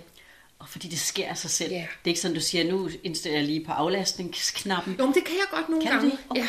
Ja. Altså, og, og hvis jeg sidder meget optaget og meget bare lige i øjeblikket, så sker det altså af sig selv. Men jeg kan også nogle gange mærke, og jeg ved ikke, hvad jeg gør. Jeg indstiller bare måske min mentale, at det må Mm. godt ryge over i mig. Det der er, det må gerne ryge over mig. Det tror jeg vil gøre presset mindre. Så for at kunne det, så har du også brug for rigtig meget, forestil mig, og tid og regeneration, eller Ja, det gjorde jeg i starten. Ja. Ikke mere. Altså, jeg kan gå derind, og så kan jeg meget hurtigt komme ind med det. Og så er jeg bare mig selv igen, ikke? Kunne jeg ikke i starten. Slet, som i slet ikke. Jeg synes, det er så smukt, det du beskriver. Altså også det her med, at det er jo en fantastisk åbenhed. Det er også det, man mærker, når man mødes med dig. Altså den her fantastiske åbenhed. Og jeg tror egentlig sådan, tænk hvis vi alle sammen kunne være i det, ikke? Hvor, hvor, hvor så det andet bliver indlært, at du må hellere sætte en grænse, eller, og så bliver det til en lidelse, ikke? fordi der er noget, der ikke må være der. Ja. Øh, popper ud et symptom, eller sådan, ikke? og så opstår konflikterne. Ikke? Altså, det må ikke være der, og det er behov for at være der, ikke? og så kommer konflikten indeni, og så kommer den udvendig. Ikke? Altså sådan, tror du, konflikter ophører helt? Nej. Hmm? Jeg tror, det er en, en kæmpe stor grundting i livet at forstå, hvordan vi kan have en adfærd, helt sådan fysisk adfærd, men også mental adfærd, følelsesmæssig adfærd, øh, energetisk adfærd. Og der, jeg, jeg, jeg oplever egentlig bare, at vi er lidt, øh, altså der er lang vej, ikke? Fordi jeg, jeg tror på, at de fleste af os, vi kan, øh, vi kan jo sanse det fysiske inde i den anatomare verden. At det er ligesom det, vi har forholdt os til. Det er også det meget videnskaben går ind på, og sådan, jamen, hvad, hvad med dine hormoner? Ikke? Altså, jeg er jo også blevet testet flere gange med, at dine hormoner er fine, og det kører sådan, jamen, hvorfor har jeg så ondt her? Ja, det kan vi ikke sige noget om. Du er helt perfekt. Hvor jeg tænker, ah, kig på mig. jeg er ikke, jeg har det ikke perfekt nu. Ikke? Nå, det, alt er i orden. Du er meget fint tal. Så tro på det, og ikke på dig selv. ja. Tro på Og- tallene. Ja, og, og, og der, der tror jeg bare, at konflikterne, som vi ser lige nu med alt det, for eksempel krig, der er, Mm. det er sådan den, den store, voldsomme, fysiske øh, opgør. Mm. Og så er der en lidt finere opgør, der ligger på en anden energiplan, mm. hvor det ikke, vi snakker ikke atomer, molekyler, og der snakker vi entanglement, der snakker vi om en anden form for forbindelse, vi snakker om følelsesenergi, og mm. hvordan, og folk ved stadigvæk ikke helt, hvad er det lige følelser er for noget, altså hvor jeg tænker, det var også noget, der optog mig enormt der, da jeg var 20. Jeg vil læse noget om følelser. Jeg kunne ikke finde noget. og der er der heldigvis kommet lidt mere på Ja. programmet. Men tænk, at vi føler så meget, og så ved vi ikke ret meget om det. Så jeg tror altid, så længe der er mennesker, og måske levende, fordi jeg oplever jo også, at dyrene har følelser og lider. Mm. Afgjort. He- Helt vildt. Og jeg kan, ah, altså jeg har små fisk ude i mit bassin, og hvis de er rigtig syge, jeg kan til, ej, den lider, og den bliver ikke rask igen. Jeg så faktisk en lille fisk, en lille bitte, bitte fisk ihjel her til morgen, og jeg havde svoret, at jeg ikke ville det, men det var jeg nødt til, fordi den var, den havde det rigtig skidt. Den lå oppe i overfladen, og den har været skidt længe. Mm. Så jeg må slå den ihjel, og jeg kan næsten ikke have det.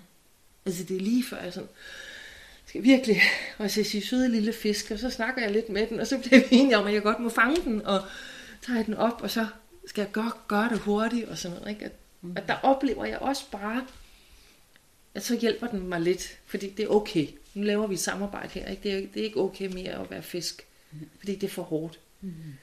Øh, så alle de der små konflikter, hvornår skal man brede sig, tage kampen? Hvornår skal jeg trække mig og lade andre andet energi være? Hvornår skal jeg manifestere mm. via tanken noget nyt? Mm. Hvad kan det gøre i de omgivelser, jeg er? Altså helt nede på Mm. et plan, hvor at vi kan ikke måle det. Nogle er heldige og kan øh, registrere, eller se, eller fornemme, eller om, det, om folk kalder det, hvad hedder sådan noget, kanalisering, eller clairvoyance, eller klarhør, eller klar tale, eller jeg ved det ikke. Jeg, jeg oplever bare nogle ting, og jeg oplever også andre mennesker kan noget, som der er uforklarligt i den måde, vi har sat verdensbilledet op. Ja, den forklaring, den videnskabelige forklaring, som har været dominerende ikke? i Ja. mange år. Hvor det er ligesom det konkrete, det fysiske, ikke? der er måles og vejes. Men jeg tænker sådan, at bevægelsen frem, hvornår skal jeg øh, gøre noget, og hvornår skal jeg trække mig og lade noget andet tage over. Det er i hvert fald det, jeg føler, der er noget andet større end mig, der tager over, når jeg læner mig tilbage. Fordi så sker tingene, uden at jeg gør noget. Altså, uden at det, jeg tror, der gør noget, gør noget. Ikke? Mm. Hvad har du gjort dig tanker omkring det? Noget af det, Altså, der det er her med, hvordan- hvornår- eller... Ja, eller det der, det der med den her bevægelse, ikke? Hvornår, ja. øh, man kan også kalde det intuition, ikke? Hvornår ja. er det, at jeg skal handle, og hvornår er det, jeg skal trække mig, og, og fordi den, der handler lidt, det bliver jo lidt personen, og det, når man læner sig tilbage, så er det for mig noget, der er større end mig selv, eller bevidstheden, der virkelig ligesom udspiller sig, ikke? Fordi det sker sig selv, Ja. uden at jeg gør noget, eller tror, jeg gør noget. Det kan godt være, jeg stadig gør det på et andet plan, ikke? Men, øh, men har du sådan, hvordan, hvordan lærer du den der dans? Eller ja. hvad, har du nogle... Ja, altså jeg vil, der er ligesom forskellige niveauer i det. Øh, at for eksempel hvis, altså lige nu, der læner jeg jo mig rent faktisk frem her, mens jeg sidder. Øh, og det ved jeg bare efterhånden, det er når jeg virkelig har noget på hjertet. Ja. Det, det, nu er det vigtigt, ikke? Og så lige pludselig ser jeg, gud, nu sidder jeg lidt fremad her i, i sofaen. Øhm, så, så det kommer sådan, at, at der er den fysiske form, hvor jeg sådan ligesom kan fysisk trække mig frem, og nu læner jeg mig rent faktisk tilbage, så jeg kan også lave en energi, også med min stemme. Øh, jeg har ikke altid haft den her øh, tone.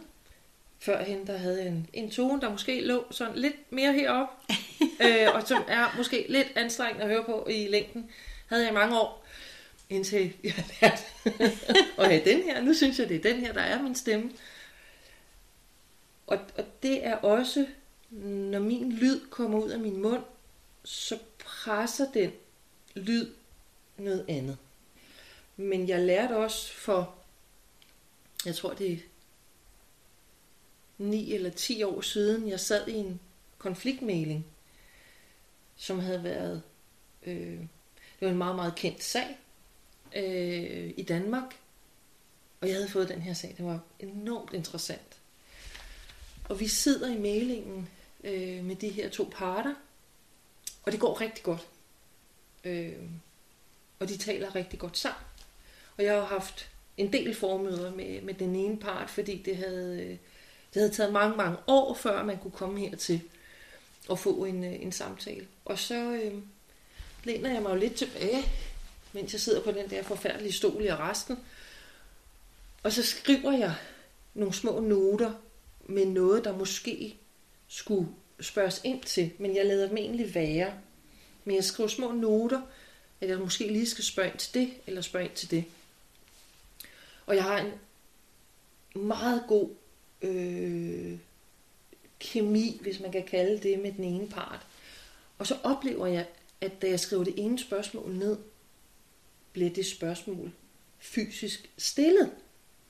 Og så bliver jeg sådan, hvor jeg tænker, jeg tænker det, jeg skriver det ned på papiret, de kan ikke se mit papir, og så bliver det stillet. Af en af de Ja, af den part, ja, ja. jeg tænker, Ja. Vi har snakket om det her, er det her interessant, Kunne det, er det noget, du vil gå dybere i? Og så bliver det selv stillet. Og så, bliver så går der jo, så går der jo øh, forsøg i mig igen. Jeg tænker, hvis jeg så blidt kan presse, og det kommer igennem, så tror jeg på, at det er velmenende. Fordi mm. det var ikke mig, der skulle stille det, men hvis parten havde brug for det, så kunne det måske være interessant. Så prøvede jeg faktisk at sige, okay, men nu presser jeg mindre, så jeg skriver det ikke ned. Men nu tænker jeg, når jeg oplever noget i dialogen, så tænker jeg, at det her er nødvendigt at spørge om. Og så var der nogle ting, der blev taget, og så var der noget, der ikke blev taget. Og så kan jeg jo ikke lade være med bagefter, mm. når vi var færdige, eller vi havde pausen, og spørge ind til, hvad er det her vigtigt? Nej, det er ikke vigtigt. Og jeg kunne ikke lade være med at smile af mig selv, fordi det, jeg spurgte om, som ikke kom igennem, det var ikke vigtigt mere. Wow. Fordi der var sket noget, så det var ikke vigtigt- vigtigt mere. Det havde det været sidste uge, eller alle de her år. Ja. Det var ikke vigtigt mere, fordi alt var andre. Energien havde ændret sig, alt var blevet anderledes. Og der var det jo igen, hvor jeg tænkte, jamen vi hænger jo sammen. Alt det der med, mm. at Østen siger, at vi er et, det er vi jo. Ja, det er jo det. Så når jeg så også, alt efter, hvad det er for et menneske, jeg sidder overfor. Nogle er meget åbne, nogle er lukket, nogle øh, kan jeg arbejde med på en måde, nogle kan jeg arbejde med på en anden måde. Og der oplever jeg bare, at vi, vi er forskellige som mennesker, men, men den der oplevelse af, at hvis der er fuld tillid, og der er fuld tryghed, så kan vi lave, det er næsten ikke til at sige, mirakler. Og der tror jeg på, mm. når, når vi er derude, hvor jeg tænker, ja, man tør næsten ikke sige det, men, men det er sådan virkelig Ja. mirakuløst, ikke? hvor man øh, siger, Jesus, han kunne måske noget af det der, ikke? Mm. Hvad er det for noget af det der, ikke? Øh, så, så kan man hele hvad som helst. Altså, de, de, de, hvad som helst, ikke? Det er jo set rundt omkring i verden. Stadig. Ja, og det er ikke, det ved jeg jo nu, at det er jo ikke bare fup og fidus. Det er reelt.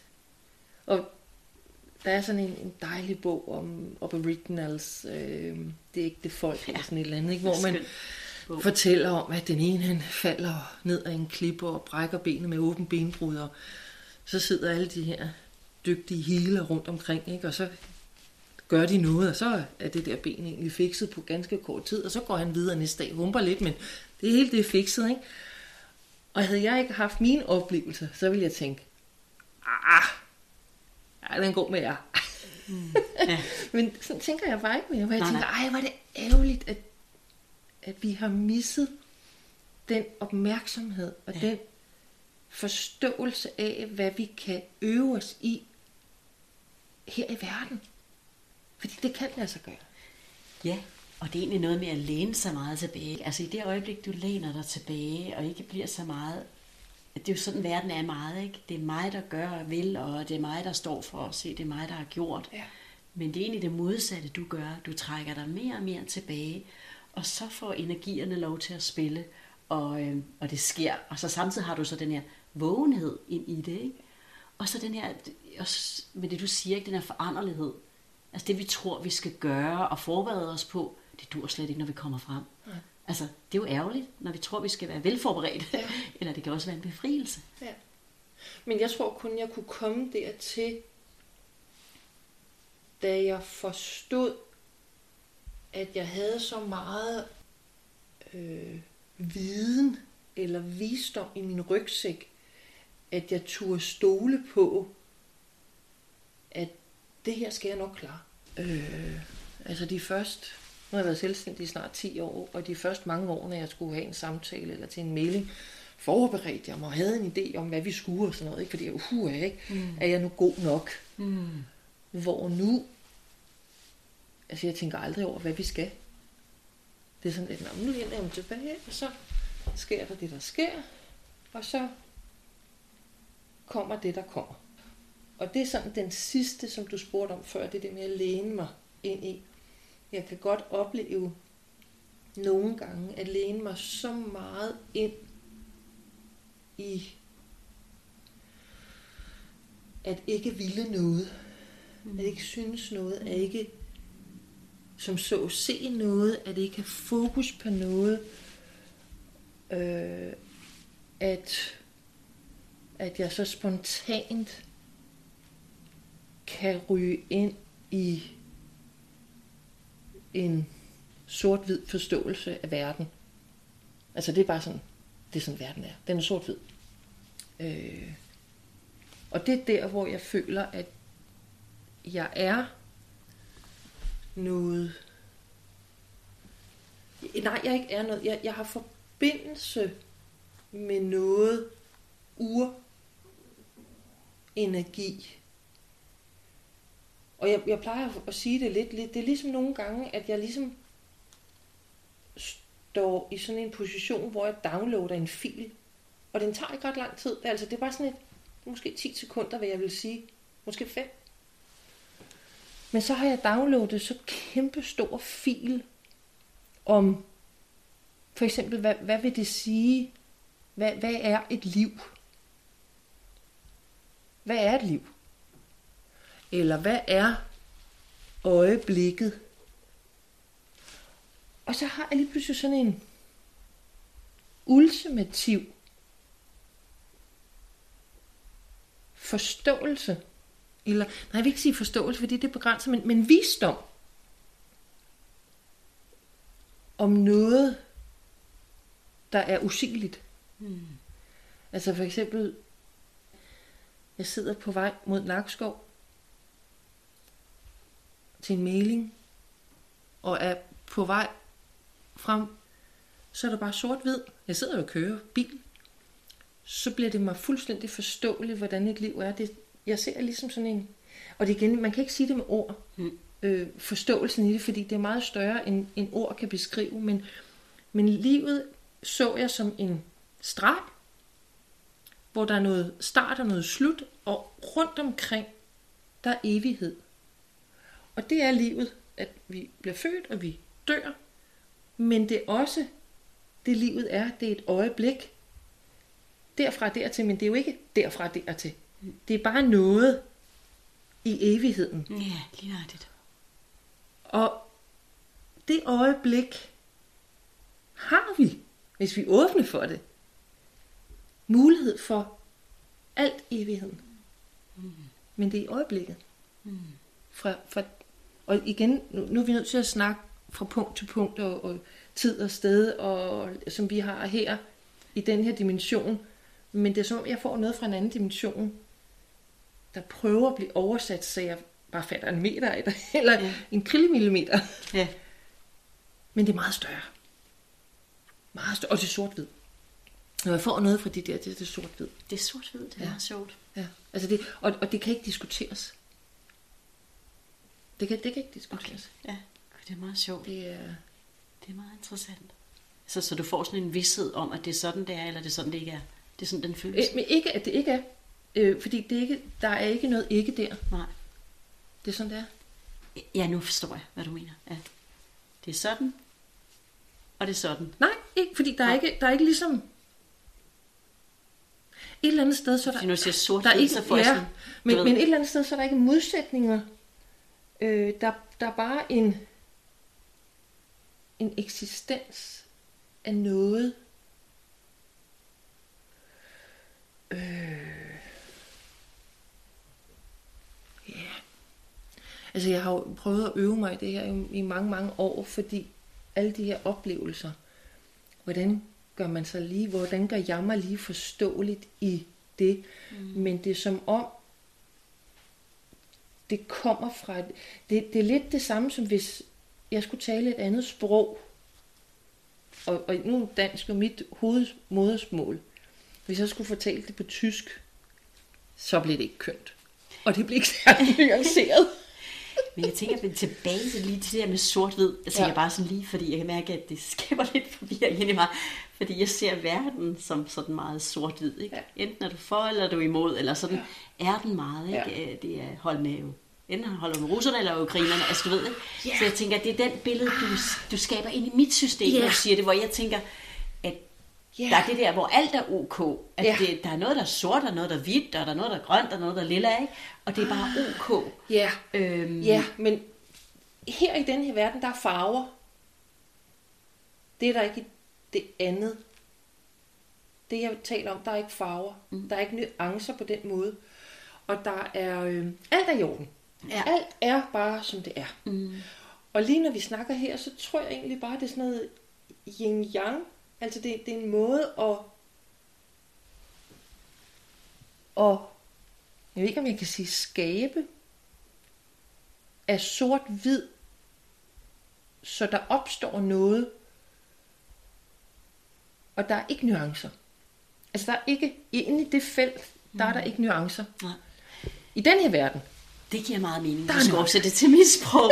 Det med, at vi er en fælles bevidsthed, eller, eller vi er i evigheden, mm. og så opstår der noget, nogle liv, og så dør de, og så opstår de, og de dør det. Ikke? Men, men, men det er et fælles hele. Ikke? jo, Og det er det, når du fortæller din historie, så tænker jeg da også sådan med, en ting er, at det slog mig i hvert fald her, at det, en ting er, at vi er fælles bevidsthed og kan føle, sanse hinanden og have de samme følelser og oplevelser, eller putte forskellige ord på det, men samme sansninger, men så, så sanser vi også. Altså, du sanser jo Ja. andres fysisk, ikke?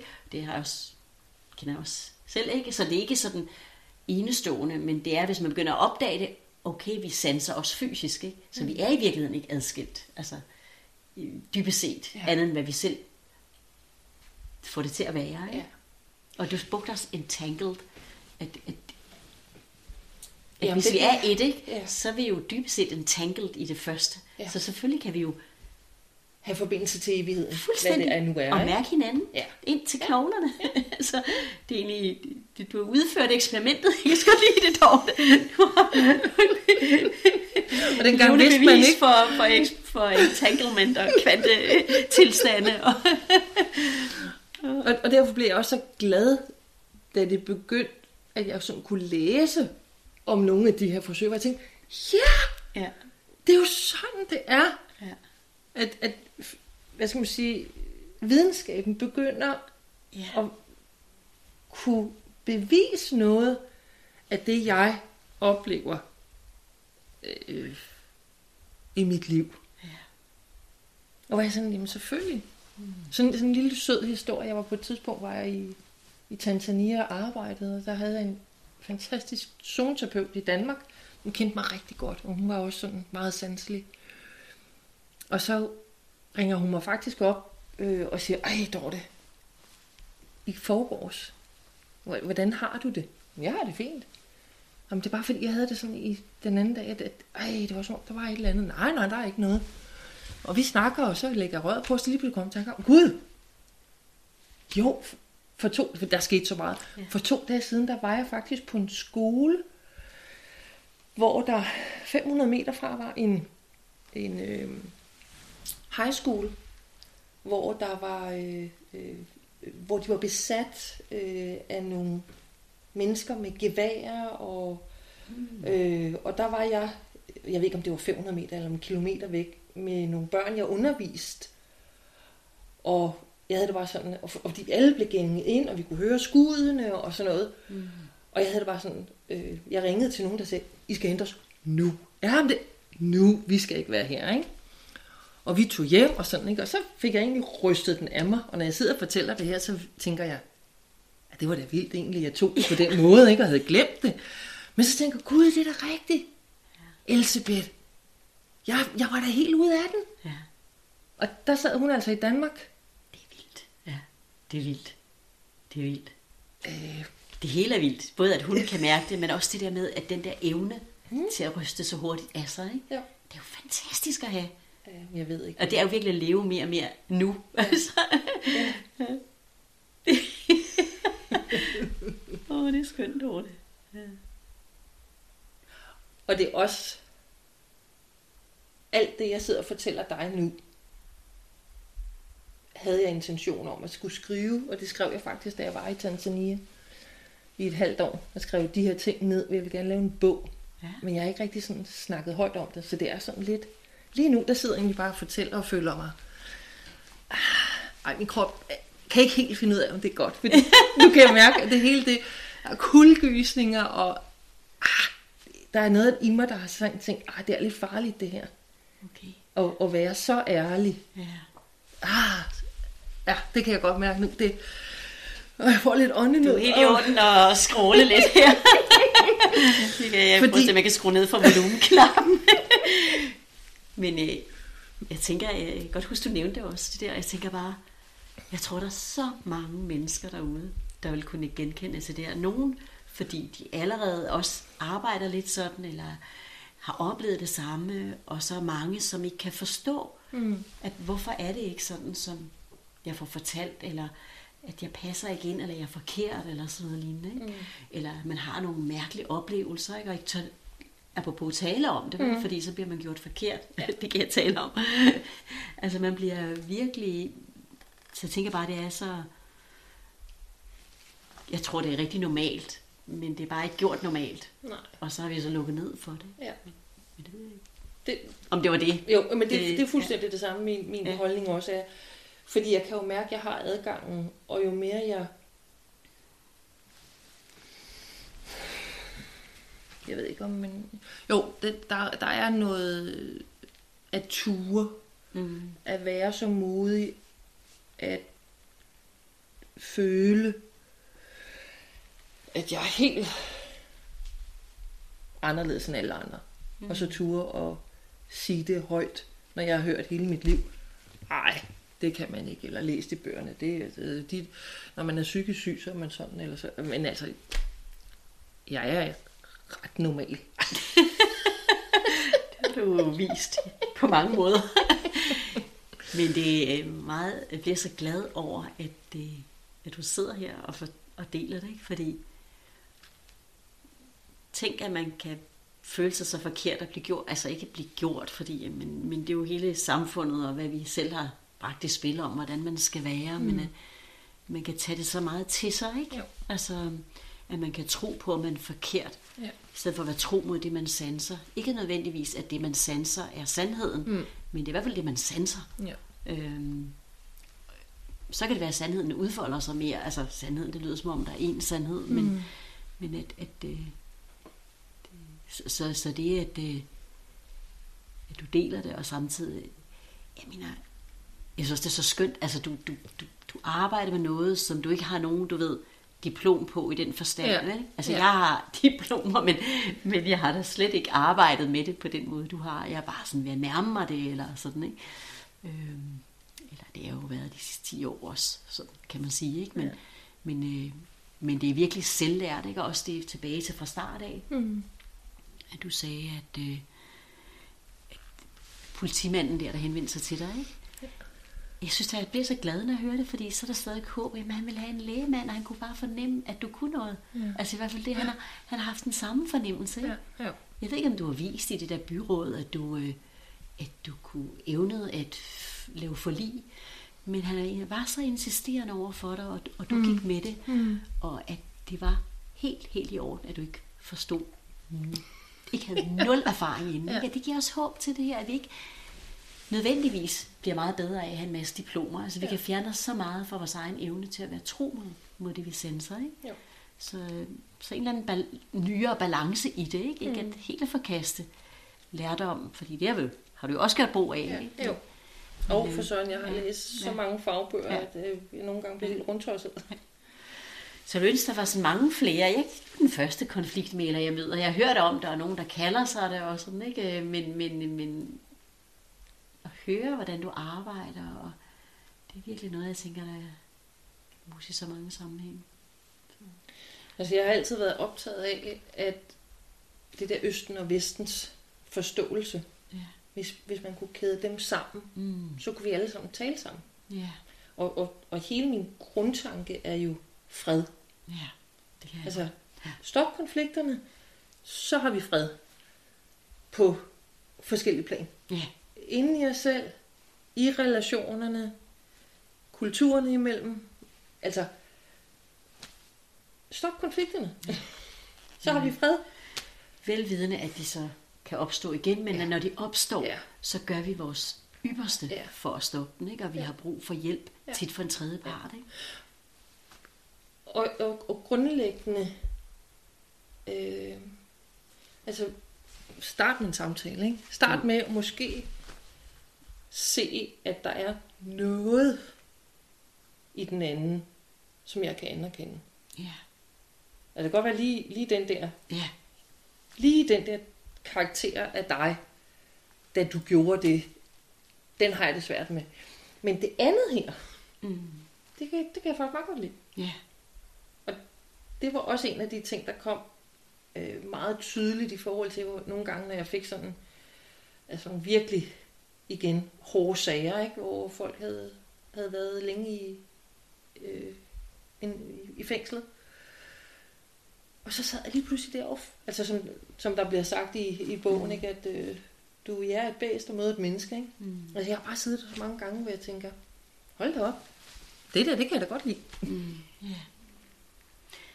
Så virkelig noget med at, at, øh, at lytte og anerkende den anden. og, For noget, ja. Ja. men også snak om det, der ikke, altså der, der giver noget smerte, noget ja. Ja. tunghed, og så sige, okay, hvad så? Men, og, og igen, hvis det er, at noget af mig bliver forstået, noget af mig er god nok, selvom jeg måske har prøvet at dræbe en, selvom jeg måske har, har dræbt en, selvom jeg måske har slået en til plukfisk, øh, så- så- altså selvom det, det er så grimt og ondt mm. umiddelbart, mm. så er der noget af mig, der er elskeligt. Ja,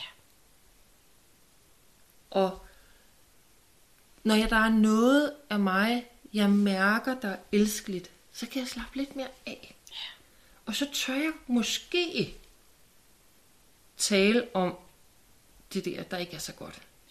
Hvis jeg altså ikke bare får flere hug, ikke? ja, lige nøjagtigt. Åh, det er så sandt. Så fint.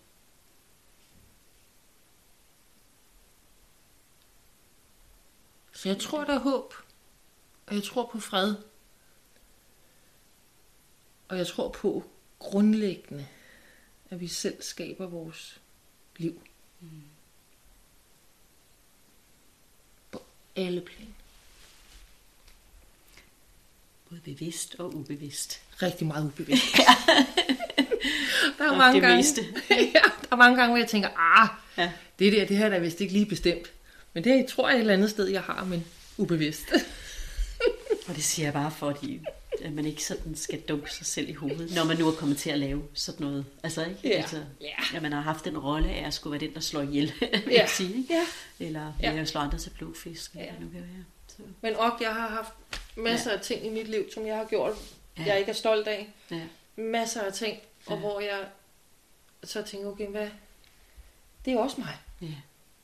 Eller sådan kan du også reagere. Ja. Det er ikke, Nej, ikke for mig det, er det ikke dig, men det, det er også en, en måde. metode, handlemåde, jeg Ja, også kan sætte i gang. ja, lige Det nøjagtigt. er også en handlemåde, jeg kan sætte i gang. Og at vi alle, når vi nu er et, grundlæggende har Ja. mulighed for at reagere på samme måde, Yes. hvis vi bliver sat i situationen. Lige præcis. Ja, så derfor er det parter, og ikke... Ja. ja. ja. ja. Og det er bare sider af mig, Ja. der kommunikerer inde i mig, og har en lille konflikt inde i mig, eller en stor konflikt inde i mig, så er det noget at lytte på mig og få alle stemmerne frem inde i mig, der kan Mm. hjælpe mig til at få et bedre, mere hensigtsmæssigt, kærligt handlemønster, tankemønster, følelsesmønster, Mm. Der måske kan skabe mere fred. Ja. Fordi det er rigtig dejligt at være der. Ja. ja. Ja. Og her kunne vi sagtens stoppe, og det synes jeg, vi skulle. Det er så fint. Og tusind tak for, at, at du, øhm, du tog initiativet til at snakke. Øj, jeg kunne da ikke lade være. Så, så dejligt at lære dig at kende. Og ja, det var vores første snak. Jeg ved ikke, hvad der kommer flere. Tak for nu, Dorte. Selv tak.